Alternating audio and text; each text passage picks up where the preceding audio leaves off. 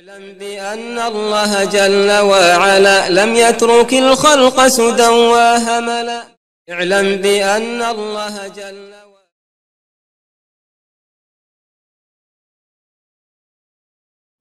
بسم الله الحمد لله الصلاة والسلام على رسول الله استعين بالله لا حول ولا قوة إلا بالله. اللهم لا سهل إلا ما جعلته سهلا وأنت تجعل الحزن إذا شئت سهلا. اللهم أرنا الحق حقا وارزقنا اتباعه وأرنا الباطل باطلا وارزقنا اجتنابه ولا تجعل الحق ملتبسا علينا فنضل اللهم آت نفوسنا تقواها وزكها أنت خير من زكاها أنت وليها ومولاها برحمتك يا أرحم الراحمين. ربنا لا تزغ قلوبنا بعد إذ هديتنا وهب لنا من لدنك رحمة إنك أنت الوهاب. اللهم أصلح لنا ديننا الذي هو عصمة أمرنا وأصلح لنا دنيانا التي فيها معاشنا وأصلح لنا آخرتنا التي فيها معادنا. واجعل الحياة زيادة لنا في كل خير واجعل الموت راحة لنا من كل شر. اللهم يسر ولا تعسر. اللهم بارك وتمن بالخير. أما بعد sva zahvala i hvala pripadaju samo savršenom gospodaru svjetova.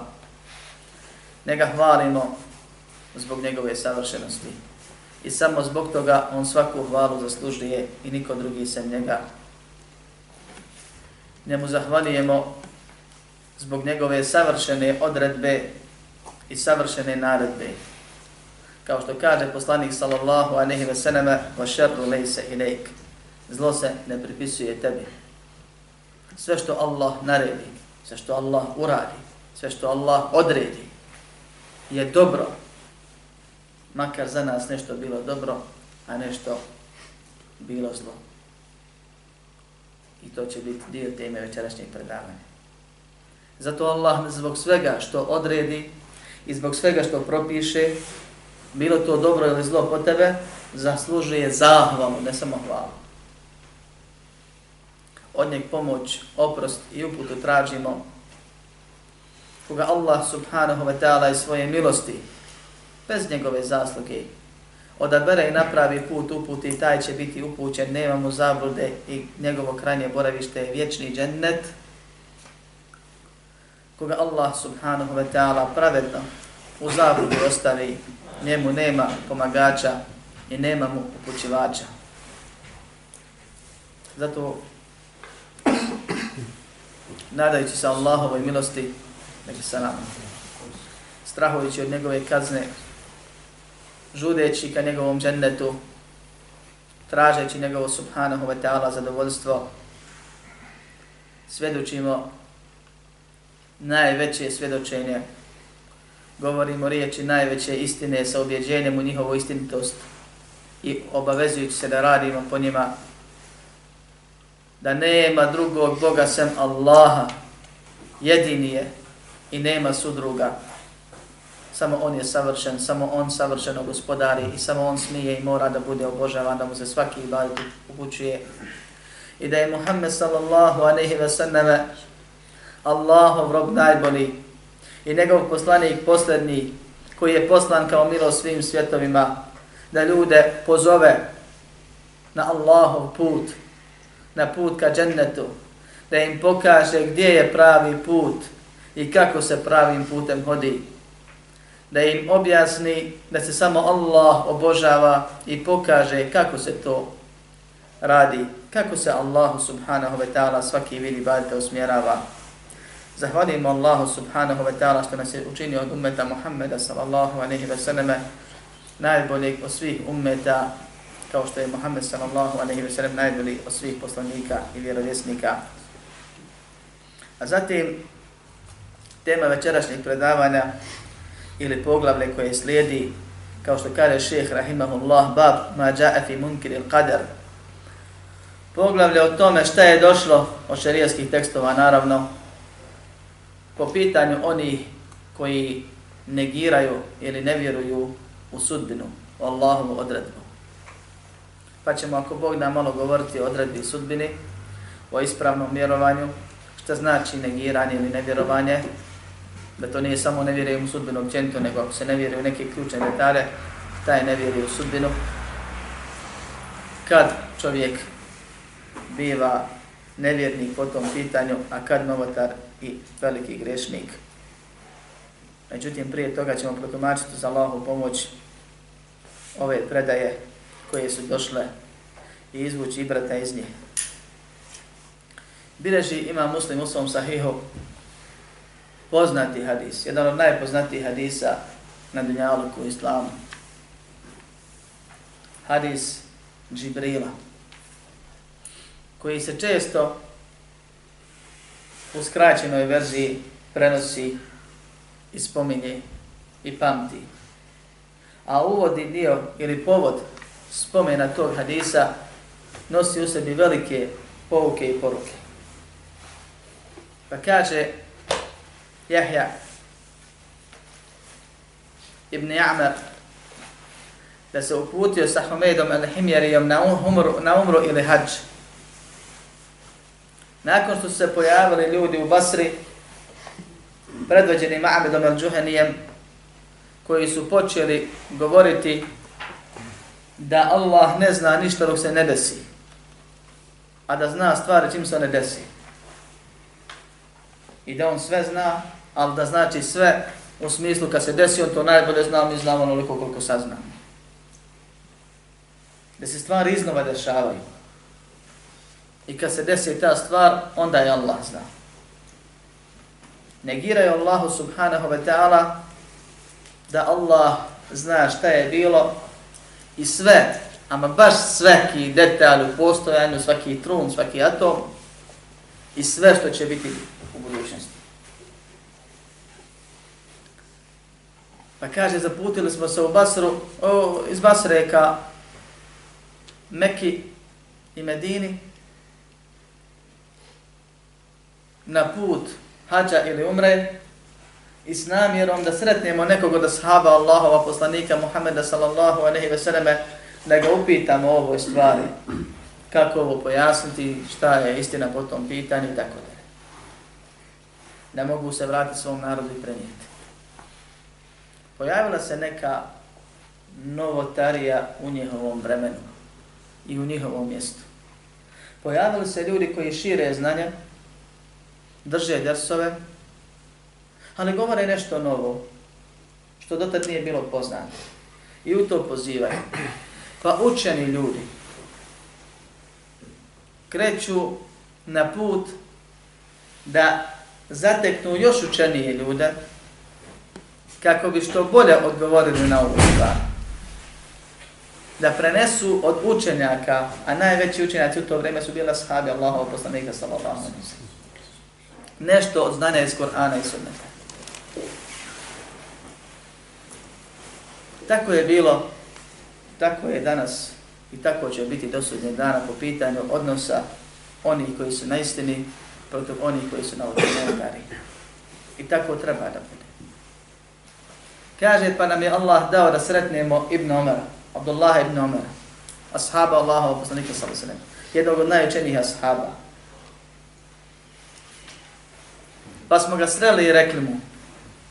Pojavili su se ljudi kod nas u, u Basri koji u jednom rivajetu kažete kaftarun al ilm. Ima još rivajeta gdje se izraz mijenja svaki od ovih izraza upućuje na to da su to ljudi koji se posvetili traženju znanja, koji su istraživali detalje o znanju, koji se bavili onim sitnim meselama, ne samo krupnijim. Kad kažem sitnim, mislim na detaljnije, ne nebitne. Ne samo one opšte stvari. Znači ne radi se to neko na pijaci nešto hlupio, pa sad ubacio šubu. Nego ljudi koji su učili vjeru i držali dersove i imaju učenike i počeli da pričaju Allahove vjeri i govore, dolaze s nečim što je normalno muslimano s pijace prije kufr nego istina. A kamo li učinom čovjeku? Oni imaju dokaze nekakve, nekakve šube ne spominju. Pa kaže, oni govore inal emra unuf. Stvar je nova, iznova. To jest Allah ne zna te stvari dok se ona ne desi. Pa Ibn Omer im kaže, ako se vratiš i sretneš im, reci im da su oni čisti od mene i da sam ja čist od njih. da ih se odričim. I reci im, kao što stoji ovdje, لو كان والذي نفس ابن عمر بيده tako mi onoga učuje ruci duša ibn Umara u rednom rivajetu kunem se onim čime se zaklinje ibn Umar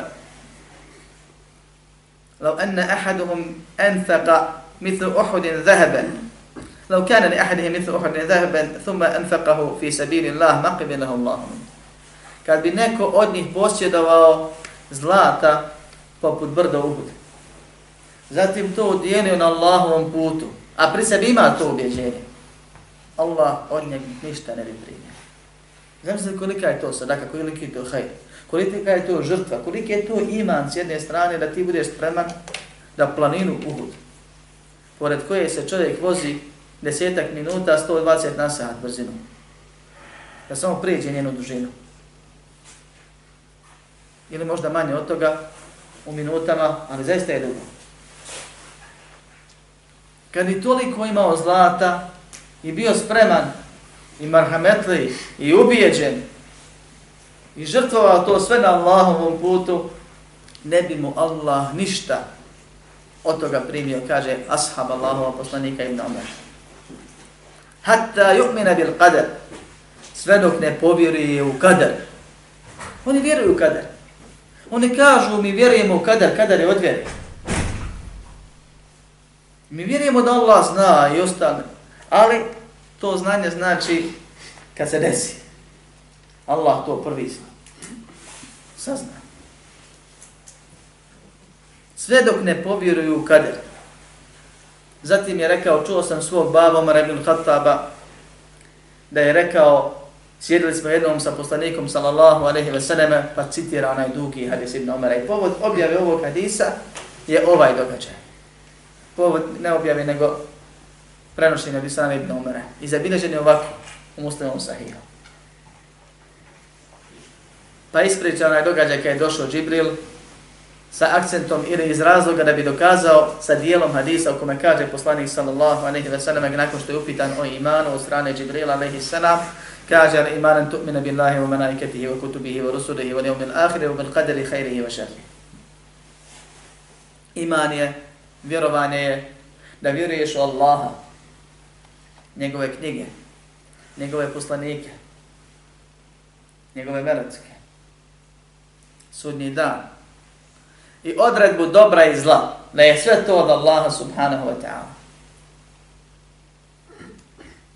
Ovako na izgled, braćo moja, u ovom samo dijelu dokazivanja, nama koji površno znamo Allahove vjeri, ne dijeli je da ga je, kao što mi to volimo reći, Ibn Omer rasturio argumentima. Jer jedan i drugi govor ima kader. Međutim, Ibn Omer ovdje spoziva se i spominje hadis u kome kaže osnova vjere, rukn vjere, stup vjere, bez kojeg vjere nema, je da vjeruješ u kader. A mi znamo kako nas je poslanik sallallahu alejhi ve sellem podučio da vjerujemo u kader. I mi smo to za sahabi, mi ashabi smo to znanje raširili po čitavom ummetu. I u Basri, i u Kufi, i u Damasku, i u Bagdadu, i u Kairu, i svugdje je stiglo već bilo. Neka Medina, svakako. I vi znate kako se ispravno vjeruje u kader. A kako se ispravno vjeruje u kader? Da vjerujemo u četiri stvari. Da je Allah subhanahu wa ta'ala sve znao šta će biti do sudnjeg dana. Jer Allah subhanahu wa ta'ala za sebe na mnogo mjesta u Kur'anu kaže da je on bi kulli shay'in anim, da on sve zna i sve obuhvata sve. Ne izostavlja ništa. Zatim sebe naziva riječima El-Anim, sveznajući. Čije znanje obuhvata sve.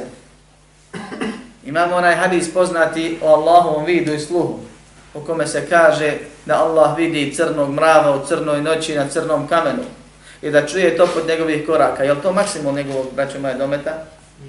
i zna svaki atom u njemu, i zna da li ga noga boli ili rep, i što ga boli, i šta fali unutra, i kako se kreće, i od čega je sastavljen, i kako funkcioniše. Allah, Allah zna sve. Allahu ništa ne izmiče. I kad kažemo sve, znači sve što je bilo i što će biti. I što je trenutno danas.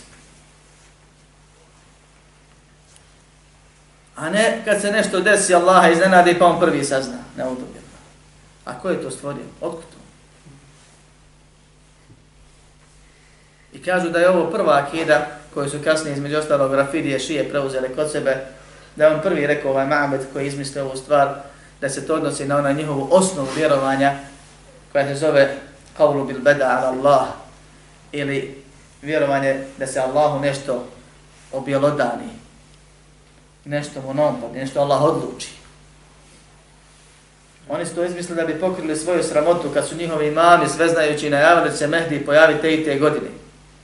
Pa došla godina, svi čekali Mehdi, a njihovo on se nije pojavio. Pa kažu, pojavit će se te i te godine. Kažu, neko je otkrio tajnu, pa se Allah predomislio, pa pomirio te i te godine. Pa će se pomijati, pa uvijek su pravdali time, bedar illah, Allahu, eto, Allahu naumpalo da pronijeni. Allah subhanahu wa ta'ala proklinje lažove u Kur'anu. I Allah subhanahu wa ta'ala mijenja propise u Kur'anu.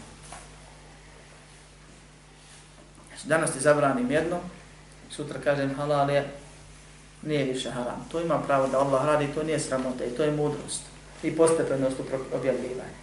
Ali kad te neko nešto obavijesti i kaže bit će ovako, a zatim sutra kaže nije tako, neće biti tako, onda se to zove laž.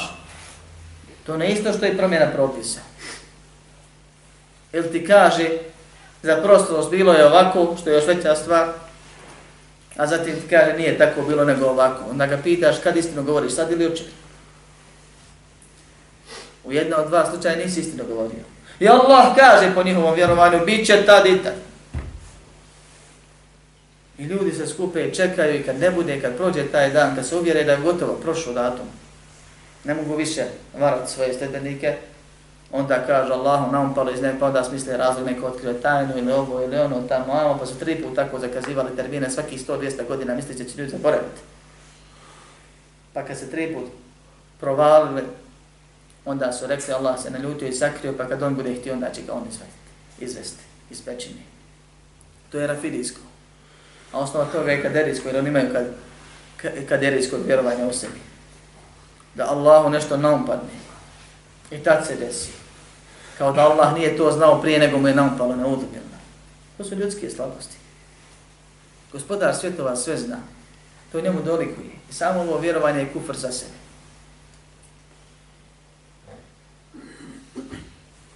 Druga stvar od četiri stvari koje čine ispravno vjerovanje u kader je da je Allah subhanahu wa ta'ala zapisao ono što će se dogoditi. U lamhel mahfuz. Da je stvorio pere kao što će biti u hadis koji je ovdje spomenut. I čim ga je stvorio na redu da piše sve što će se desiti do sudnjeg dana. Ili sve što će se desiti u budućnosti. Treća stvar, ovo nije redoslijed, ovo ide u paketu, braćo moje ove tri stvari. Treća stvar koja je bitna ili treća je korak u razumijevanju ispravnog Allahove odredbe je da je Allah htio svojim stvaralačkim htjenjem, ne šarijaskim, dakle ne je znači da to voli ako je htio, ako je dopustio. Da je Allah htio da se sve desi što će se desiti. Jer da nije htio nešto bi promijenio prije nego se desi i da u Allahom htjenju ne biva ništa osim što on hoće. I četvrta stvar je da Allah subhanahu wa ta'ala stvari stvara onda kada se one dešavaju. Znači nije da mu naumpada tad, nego tada ih stvara. Tada ih daje.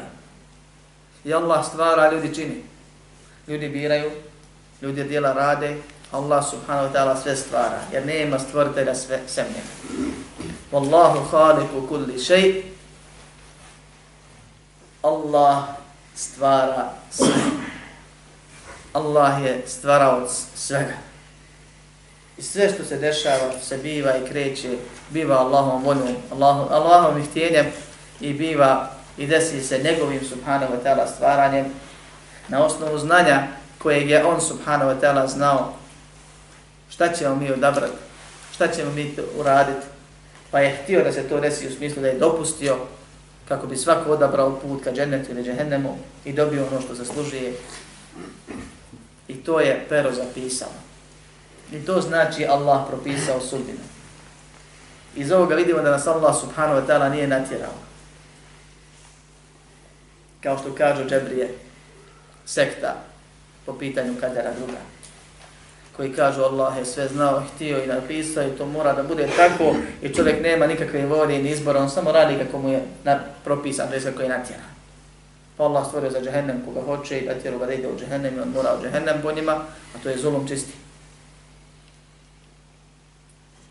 S druge strane, znamo iz ovoga, ako razumijemo ove četiri stepenice, ova četiri koraka, da Allah subhanahu wa ta'ala nije dopustio čovjeku apsolutno slobodnu volju da radi u njegovoj vlasti šta hoće, da ga iznenadi. Nego je Allah znao šta će on raditi, dopustio mu to. Tako da svaka naša htjenja i naša volja je podčinjena Allahovoj volji. Ne da smo natjerani da radimo kako Allah hoće, a mi nemamo izbora, nego je Allah znao i pustio te. Znači, htio je da se to desi da ti radiš ili dobro ili zlo pa uživaš ili se patiš na njega. I to je ispravno razumijevanje sudbine, da čovjek ima slobodnu volju, ali da to nije apsolutna slobodna volja da čovjek radi u Allahu od vlasti šta on hoće, nego biva opet onako kako Allah hoće, Allah je znao da je htio promijenio bi, pa uput koga hoće, a ostavi u zavodi koga hoće, iz svog znanja, ko je za upute ko nije za upute, ali sve na kraju biva kako Allah hoće, međutim čovjek je odgovoran za ono što je u njegovom dometu. Pa čovjek nije odgovoran što mu smrt dođe kad se nije nadao. Eto Allah daj. Ali je odgovoran za svaki grije i bit će nagrađen ako Bog da za svaki sevap, ne zato što on zaslužuje nagradu, nego zato što je Allah subhanahu wa ta'ala tako dao i odredio svoje milosti i propisao i Allah će svoje obećanje ispuniti. Ako ovo razumijemo, onda će nam biti lahko razumijeti ostale stvari, pogotovo to zbog čega ova tema u knjizi u Tevhidu. Zato što je nevjerovanje u kadar kufr. On je suprotan Tevhidu. Nevjerstvo koje izvode iz vjere. Onako kako ćemo pojasniti na kraju kod Boga sumnjanje u Allahovo znanje i nevjerstvo. A kamo li negiranje da Allah subhanahu wa ta'ala zna stvari u budućnosti. I zato kaže Ibn Omer kad imao toliko i toliko zlata i podijelio na Allahom put, da bi te Allah primio. Jer nije čovjek musliman, nema temera, nema trgina, nema imana kako treba. Fali mu ruknu imana, ne neka stvar sporedna. I ovdje se također izlači korist, pored koristi bitnosti traženja odgovora kod učenja kako pitanju novo nastalih pitanja, korist ili bitnost učenja akide, vjerovanja i to na ispravnim izvorima, jer džabati toliko dobročinstva i tolika žrtva ako ti je temelj truho.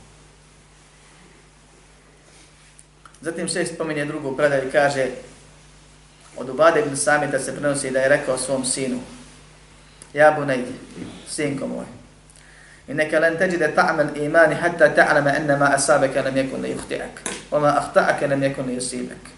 Sami'ati Rasulullahi sallallahu alaihi wa sallam jakul, wa zekera hadith.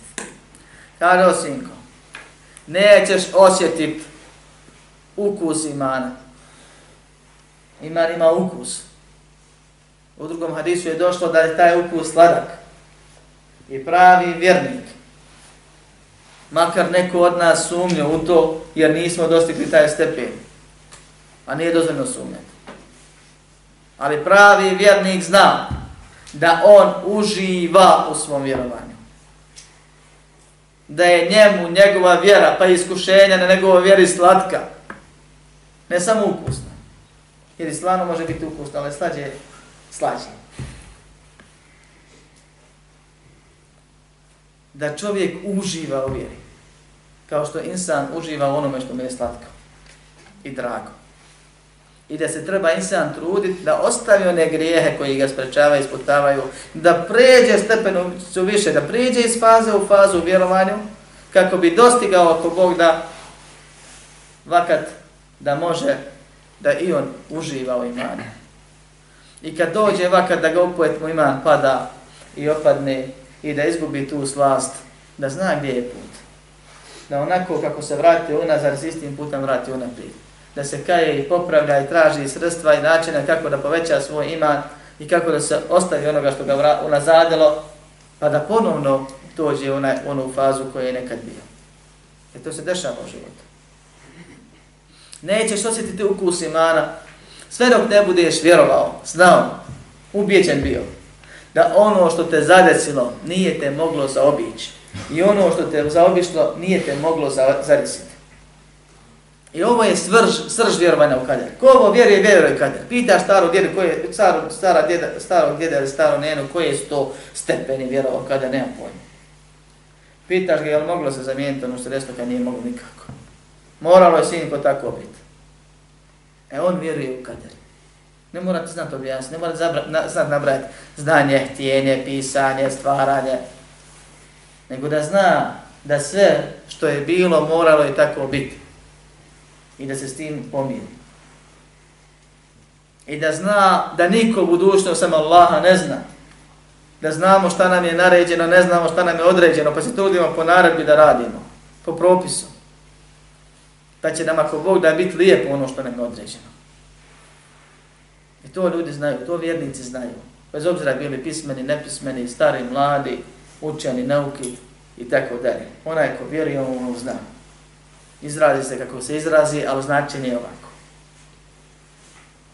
I njemu dunjalučki život bude lak, a ima u njemu sladak.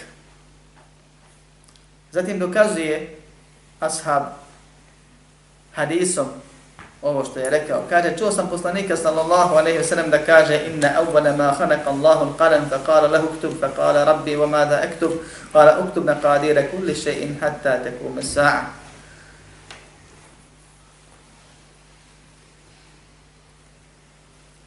يا بني سمعت رسول الله صلى الله عليه وسلم يقول من مات على غير هذا فليس مني وفي رواية إن أول ما خلق الله تعالى القلم فقال له اكتب فجرى في تلك الساعة ما هو كائن إلى يوم القيامة Kaže, čuo sam Allahov poslanika sallallahu alaihi wasallam da kaže nakon što je Allah subhanahu wa ta'ala stvorio pere i ovako se razumije hadis koji neki prevode prvo što je Allah stvorio je pere. I može se razumijeti. I ima razilaženje kod Da li je inna Da li je ovdje znači došlo evvalu ma halak Allahum kalem, ko što u drugom rivajetu ili awwala ma halak Allahum kalem. Ali ovdje imamo rivajet sa inne. Inne awwala ma halak Allahu al kalem. Ali došli su također drugi rivajeti, puno rivajeta ovog hadisa. Pa je razlika da li je to fetha ili damma. Ako je damma, može značiti prvo što je Allah stvorio je kalem. A znamo da se prije nisu pisali hareketi. Pa se razilaze neki učenjaci. Ima učenjaka koji kažu prvo Allahovo stvorenje je per, a zatim arsat i ostale stvari. Među njima i taberi i tako dalje. I to nije novatarija. I pitanje šta je prvo stvorenje je pitanje gdje se ulema razilazi i gdje ima ispravnije mišljenje, ali nije novotarija i nije kufr ko kaže drugačije. I zato dio učenjaka kaže da su to pitanje od koji nema velike koristi da čovjek ispituje, traže, istražuje. Ovdje se kaže, nakon što je Allah subhanahu wa ta'ala stvorio pera, rekao mu je piši. I ispravnije je ovako razumijeti hadis. Na osnovu drugih rivajta koje su došli. Također. Znači Allah je stvorio arš i to je Allahovo prvo stvorenje. Nakon toga je stvorio što je htio da stvori ili nije ništa stvorio, mi ne znamo. Pa je Allah kad je htio stvorio pero. I čim ga je stvorio, nije ga pustio onako da se kiseli, što bi rekli, nego mu odmah naredio, piši. Pa kaže, rapi mada ekto, gospodar, šta da pišem? Kaže, piši sve, kaže, piši sve što će se desiti do sudnjeg dana, to je jednom rivajetu. Kaže, o sinko, čuo sam poslanika, sallallahu aleyhi ve selleme da kaže, da, da kaže, ko umre na nečemu što je suprotno ovome, ne vjerujući ovako, da je Allah znao šta će biti, pa propisao već. Felej se minni, taj nije od mene.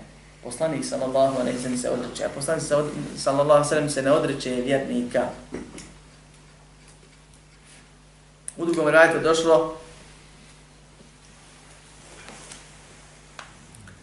kad je Allah stvorio pero, ili nakon što je Allah stvorio pero, ili Allah je stvorio pero, pa mu je rekao piši, pa je pokrenulo se kada u tom momentu, to je pokrenulo se da piši,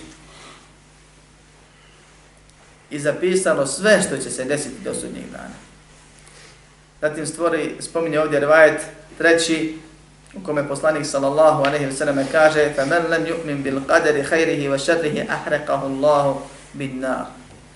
Ko kaže ne vjeruje u kader, u Allahu odredbu, u sudbinu.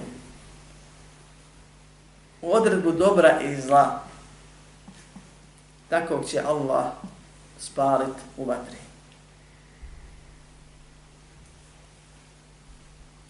Malo prije ja rekao na početku predavanja u komentaru uvodne dove da je poslanik sallallahu alaihi ve sellem rekao da se zlo Allahu ne pripisuje.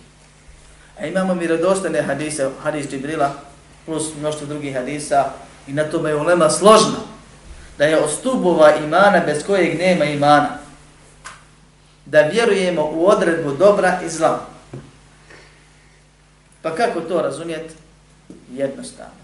Allah je savršen, savršen ne greši. Dakle, on sve što naređuje, odrađuje, radi, radi bez greške. A ono što se uradi bez greške nije zlo. I ne može biti zlo.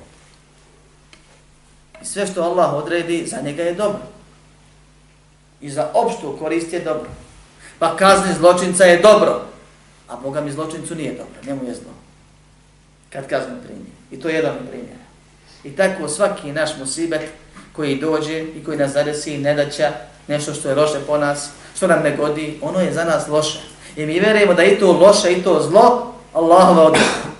I vjerujemo istovremeno, ono što sam prošli put govorio, da Allah ima mudrosti, ne samo jednu, da ta Allahova odredba je u konačnici dobra, bilo za nas ili za opštu pravdu.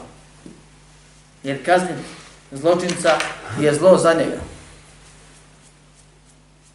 I za njega to nije dobro, ako je već došlo do konačne kazne. Ali je dobro za sve ostale, za opštu pravdu. A iskušenja vjerniku su za njega dobra. Šta god ga zadesi kao što hadisu je za njega dobro. Dođe blagodan zahvali, Allah mu poveća, piše mu seba. Dođe iskušenja, on saburi. Ili pak još bude svjesni i imanski jači, pa je zahvalan i zadovoljan, pa onda ima dobrota na ovom i na onom svijetu.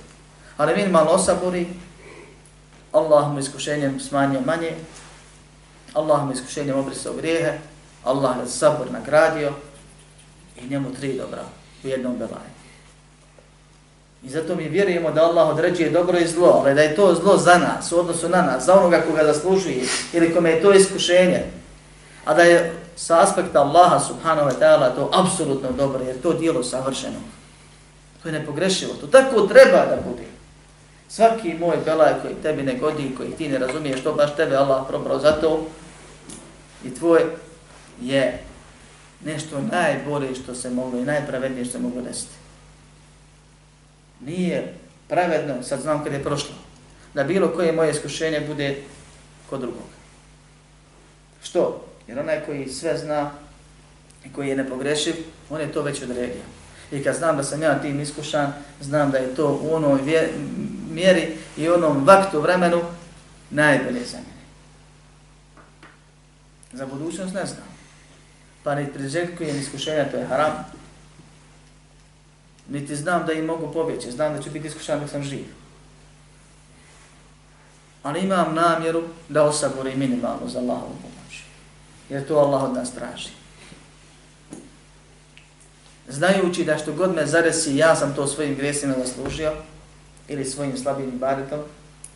Prva stvar, da me savršeni i mudri iskušava da bi me počastio, da mi umanjuje veći bela i više sam zaslužio nego što mi daje, jer Allah kaže, ja afu an kathir, mnogi stvari oprosti i pređe preko njih skroz. Da za sabur Allah obećava innema i uafes sabiruna eđerahum bi gajri hisab, srbljeni će biti bez, bez računa nagrađeni. Da ako mi Allah pomogne još više da skontam u momentu iskušenja ove stvari, pa budem zahvalan i zadovoljan da ću dobiti još mnogo drugih blagodati, da mi se grijesi time brišu, da je bolje da fasujem na ovom nego na onom svijetu. Ova vatra, vatra, kad bi te spržio Allah na dunjalku, ona je 70. dio džahennemske vatre. I tako svaki drugi belaj. Neuporedivo manji. Insan kad ga Allah iskuša nečim, zna da tako treba i bori se u okvir sebeba koliko može i ne mora biti zadovoljan u smislu, ne mora, pohvalno je. I ne mora ostajati na nekom belaju, može se boriti protiv toga u okviru sebeba koji su propisani. Ne traži haram načine da, da izbjegne iskušenje i zna da je to sa aspekta Allaha subhanahu wa ta'ala s njegove strane apsolutno dobro da niko bolje ne, ne određuje kao on, jer on zna i mudar je beskrajno i stavlja svaku stvar na svoje mjesto. I zato kad njega veličamo, kažemo da mu se zlo ne pripisuje, jer bi to znači da je pogriješio, da je uradio nešto loše, Allah ne radi loše. Ali Boga mi za nas, kako zaradimo, pa ako loše zaradimo, pa nam se lošim vrati, bilo bi nepravedno u nekim situacijama za nekoga da mu se tako i ne vrati. Kao sam spomenuo prestupnike, određeni. A ako Allah oprosti kome hoće pa ga pokrije njegove sramote i ne kazni ga za to što radi, pa Allah je sve, mudar, beskrajno, on svaku stvar, on zna zašto je šta, ko. I on ima pravo u svojoj vlasti da radi šta hoće.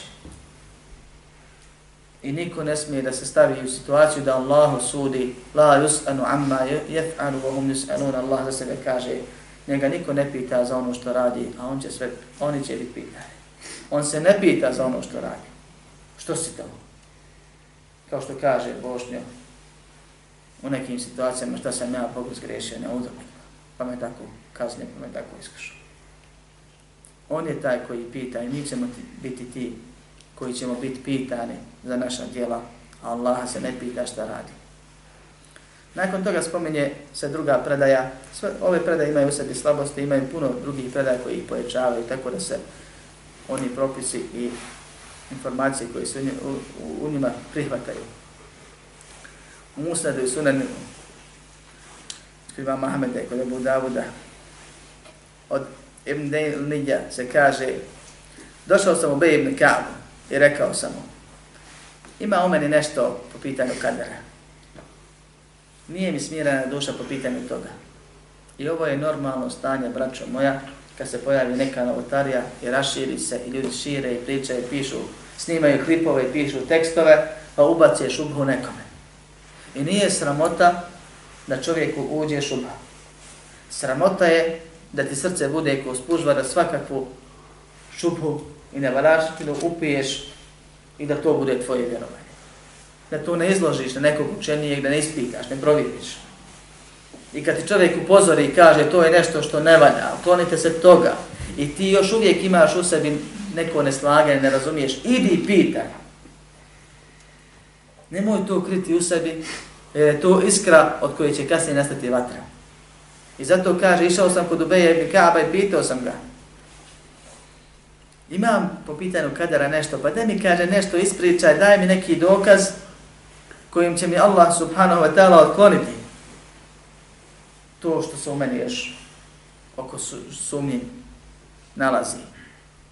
Pa mu kaže, kad bi udjelio zlata koliko je brdo uhod, ne bi Allah od tebe prihvatio sve dok ne povjereš u kader. I dok ne znaš da ono što te zadesilo nije te moglo zaobići, i ono što te zaobišlo nije te moglo zadesiti. Ako umreš na nečemu što nije ovo, suprotno ovome, bit ćeš od stanovnika vatre.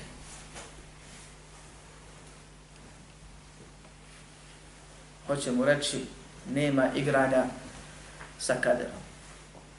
To naučiš ispravno znanje i ne moraš da shvatiš. I povjeruješ i predaš se. Pokoriš se. Ako budeš čačko, možeš završiti ko oni za koje poslanik sam se malo prije kaže i ashab ovaj. Pa kaže, pa sam ošao Abdullah ibn Mas'udu i Hudejf ibn Yaman i Zaid ibn Thabitu od ashaba do ashaba. Išao tražio da mu se srce smiri. Kaže, fa kulluhum haddethani li mithli dhalika ani nabiji sallallahu alaihi.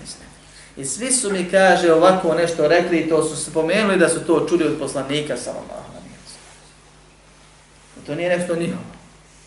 Jer ulema, braćo moja, tad i sad i do sudnjeg dana ne govori i ne smije da govori po nekom svom džefu i razumu i shvatanju, nego je to znanje koje se skonene na koneno prenosi od poslanika sallallahu alaihi sallam, koje se uči i ljubomorno čuva i prenosi na druge i primjenuje, pa ako hoće shvati, prihvati, pokori se, ako neće, zaluta.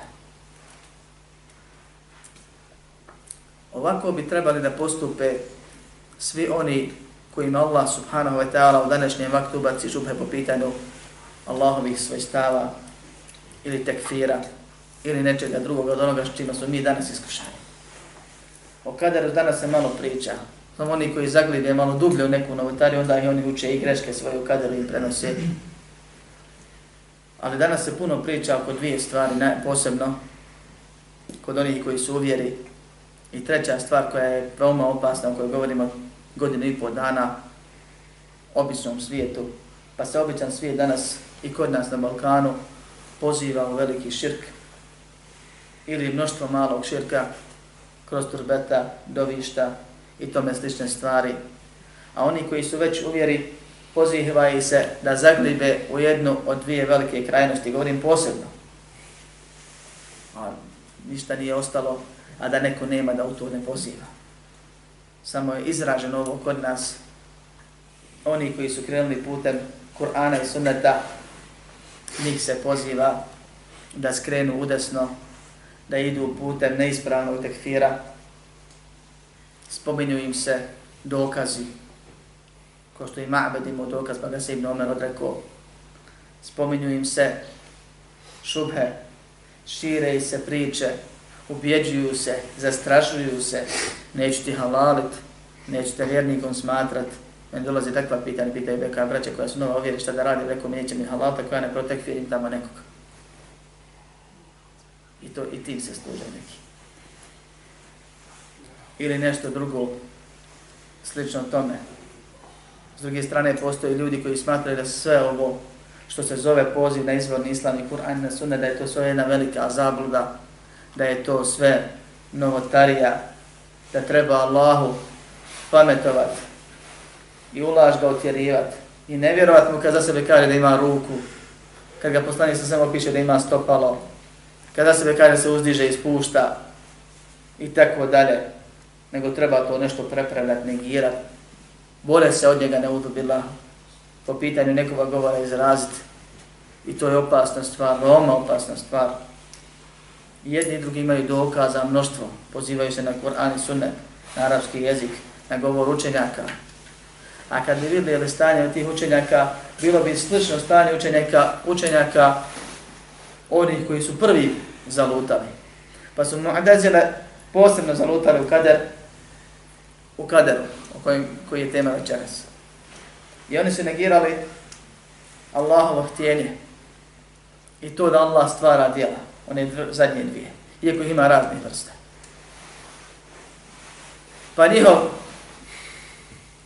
učenjak Amr ibn Ubejd sjedi u mesčidu i dolazi mu Bejduin i kaže ovo šejh vidio džamiju, hođu u džamiji, prišao i rekao te dobi Allah da mi vrati devu, pobjegla mi deva. I ovaj ustane da usput malo i da učini da poziva u svoju akidu, I na kraj krajeva čovjek u to vjeruje pa po tome radi. Kao što je onaj nesretnik drugi govorio, Subhane Rabijan Esfer, neka je slavljen najdonji, najniži moj gospodar, umjesto A'la da kaže da Allah svudje i gore i dole. Tako je ovaj digne ruke i kaže, gospodaru, ovom tvom robu je ukradena deva, a ti nisi htio da bude ukradena, jer on negiraju da se dešava po Allahom htjenju. Pa te molim da mu je vratiš, kaže Beduina, on bio na fitri, znam. Nosta! dosta, ože, nemoj tako, tako dobiš ne treba mi. Dosta še, kaže, nemoj tako, kaže, što?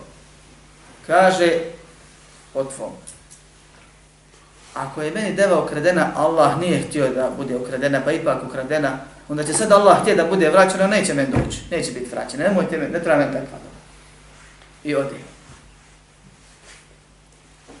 Stanje vjersko svih novotara u akidi je ovako, da ne znaju koga obožavaju. Da nisu svjesni koga obožavaju. Jer da su svjesni ne bi sebi dopustili da se sa njegovim dokazima ismijavaju nesvjesno. Tako što svaka, svaki pojedina sebi dozvoli da on tumači Kur'an i Sunnet, da on pametuje, da on poziva, da on odgovara nekim koji se ne mogu porediti s njim. Jer na Allah u Kur'anu kaže nisto isti oni koji znaju i oni koji ne znaju. I kad sjedeš s njim, on tebi sto jedan dokaz protiv Allahovog htjenja. I onda u praksi ti pokaže da je to besmisleno što on vjeri. Da čovjek i zdravim razumom može dokući da je to. I tako je po pitanju drugih novotarija. Isto. Oni koji negiraju, braćo moja, da Allah zna stvari unaprijed i da ih Allah zna prije nego se desi i da zna da će se desiti, oni su nevjernici po koncensusu islamskih učenjaka. Olema se razilaze oko ostalih. Najsigurniji su oni koji vjeruju sa četiri faze. Najblaži su oni koji zbog šubhi koje imaju neće da kažu da Allah stvara djela jer on stvara ne razumije isto što je rađenje. Pa kažu ne, ne radi Allah grije. Imaju grešku u tome. Međutim, kao što kaže šehe Islam ibn Taymiye i drugi učenjaci, poznato je da je ulema složna oko onih koji negiraju znanja, a da se razilazi po pitanju tekfira proglašavanja nevjernikom onih koji negiraju Allahovo htjenje u hadjer, u odrbi. Ili pisanje dijela, nekako to je propisivanje, ne mora biti bukvalno pisanje. I tako znači, ne treba Allahu biti napismeno ništa, ili ne znam ja, druge šubhe. Ili stvaranje dijela kad se desi, u momentu dok se dešavaju. I ovo insan treba da zna. I zato su učenjaci govorili, kad se raspravate s kaderijama, odmah krenite na znanje, pa ako to potvrde, dobro, ako to negira i nemate šta s njima da ne pričate. A na osnovu znanja, onda je lahko ići na druge stvari. Jer Allah subhanahu wa ta'ala kaže وَمَا تَشَاءُونَ إِلَّا أَنْ يَشَاءَ اللَّهُ رَبُّ الْعَالَمِينَ vi ne možete htjeti osim ono što hoće Allah, gospodar svih svjetova, to je onako kako sam objasnio na početku, da je Allah htio da se desi, i znao pa dopustio, nisi ti njega iznenadio nekim svojim djelima. Allah subhanahu wa ta'ala kaže Wallahu khaliqu kulli shay'in Allah je taj koji stvara sve. Poslanik sallallahu alejhi ve sellem kaže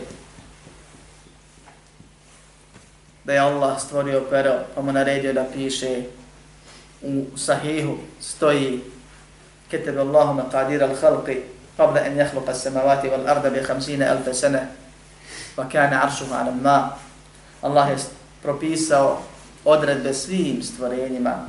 Prije nego je stvorio nebesu, nebesa i zemlju na 50.000 godina, a arš je njegove stad bio na vodi.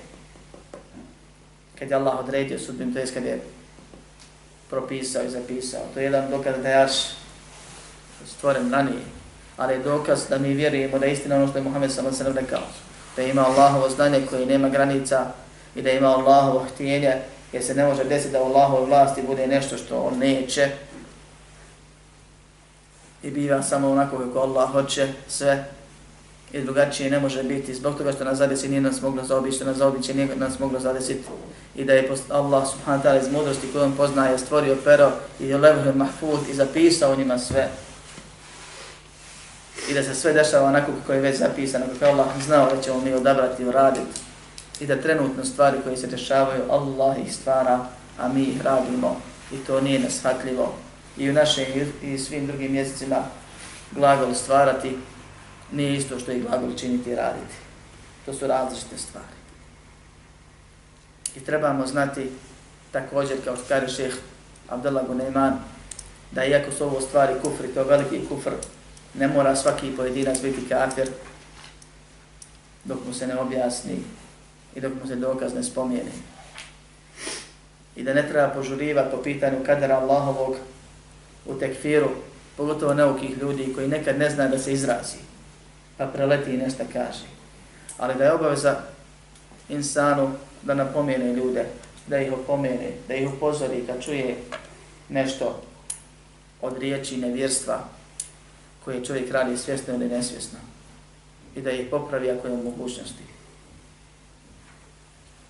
Molim Allaha subhanahu wa ta'ala da nam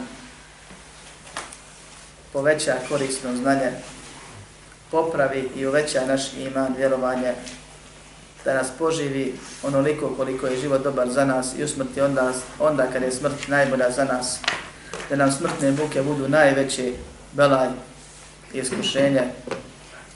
Molim Allaha subhanahu wa ta'ala da nas poživi i proživi kao one s kojima je zadovoljan, da nas sačuva džahennema, uvede u svoj džennet, da nam oprosti grijehe, da pomogne islami muslimane na svakom mjestu, da nas učvrsti i da naša srca ne okrene ka zabludi. Amin. Alhamdulillahi rabbil amin.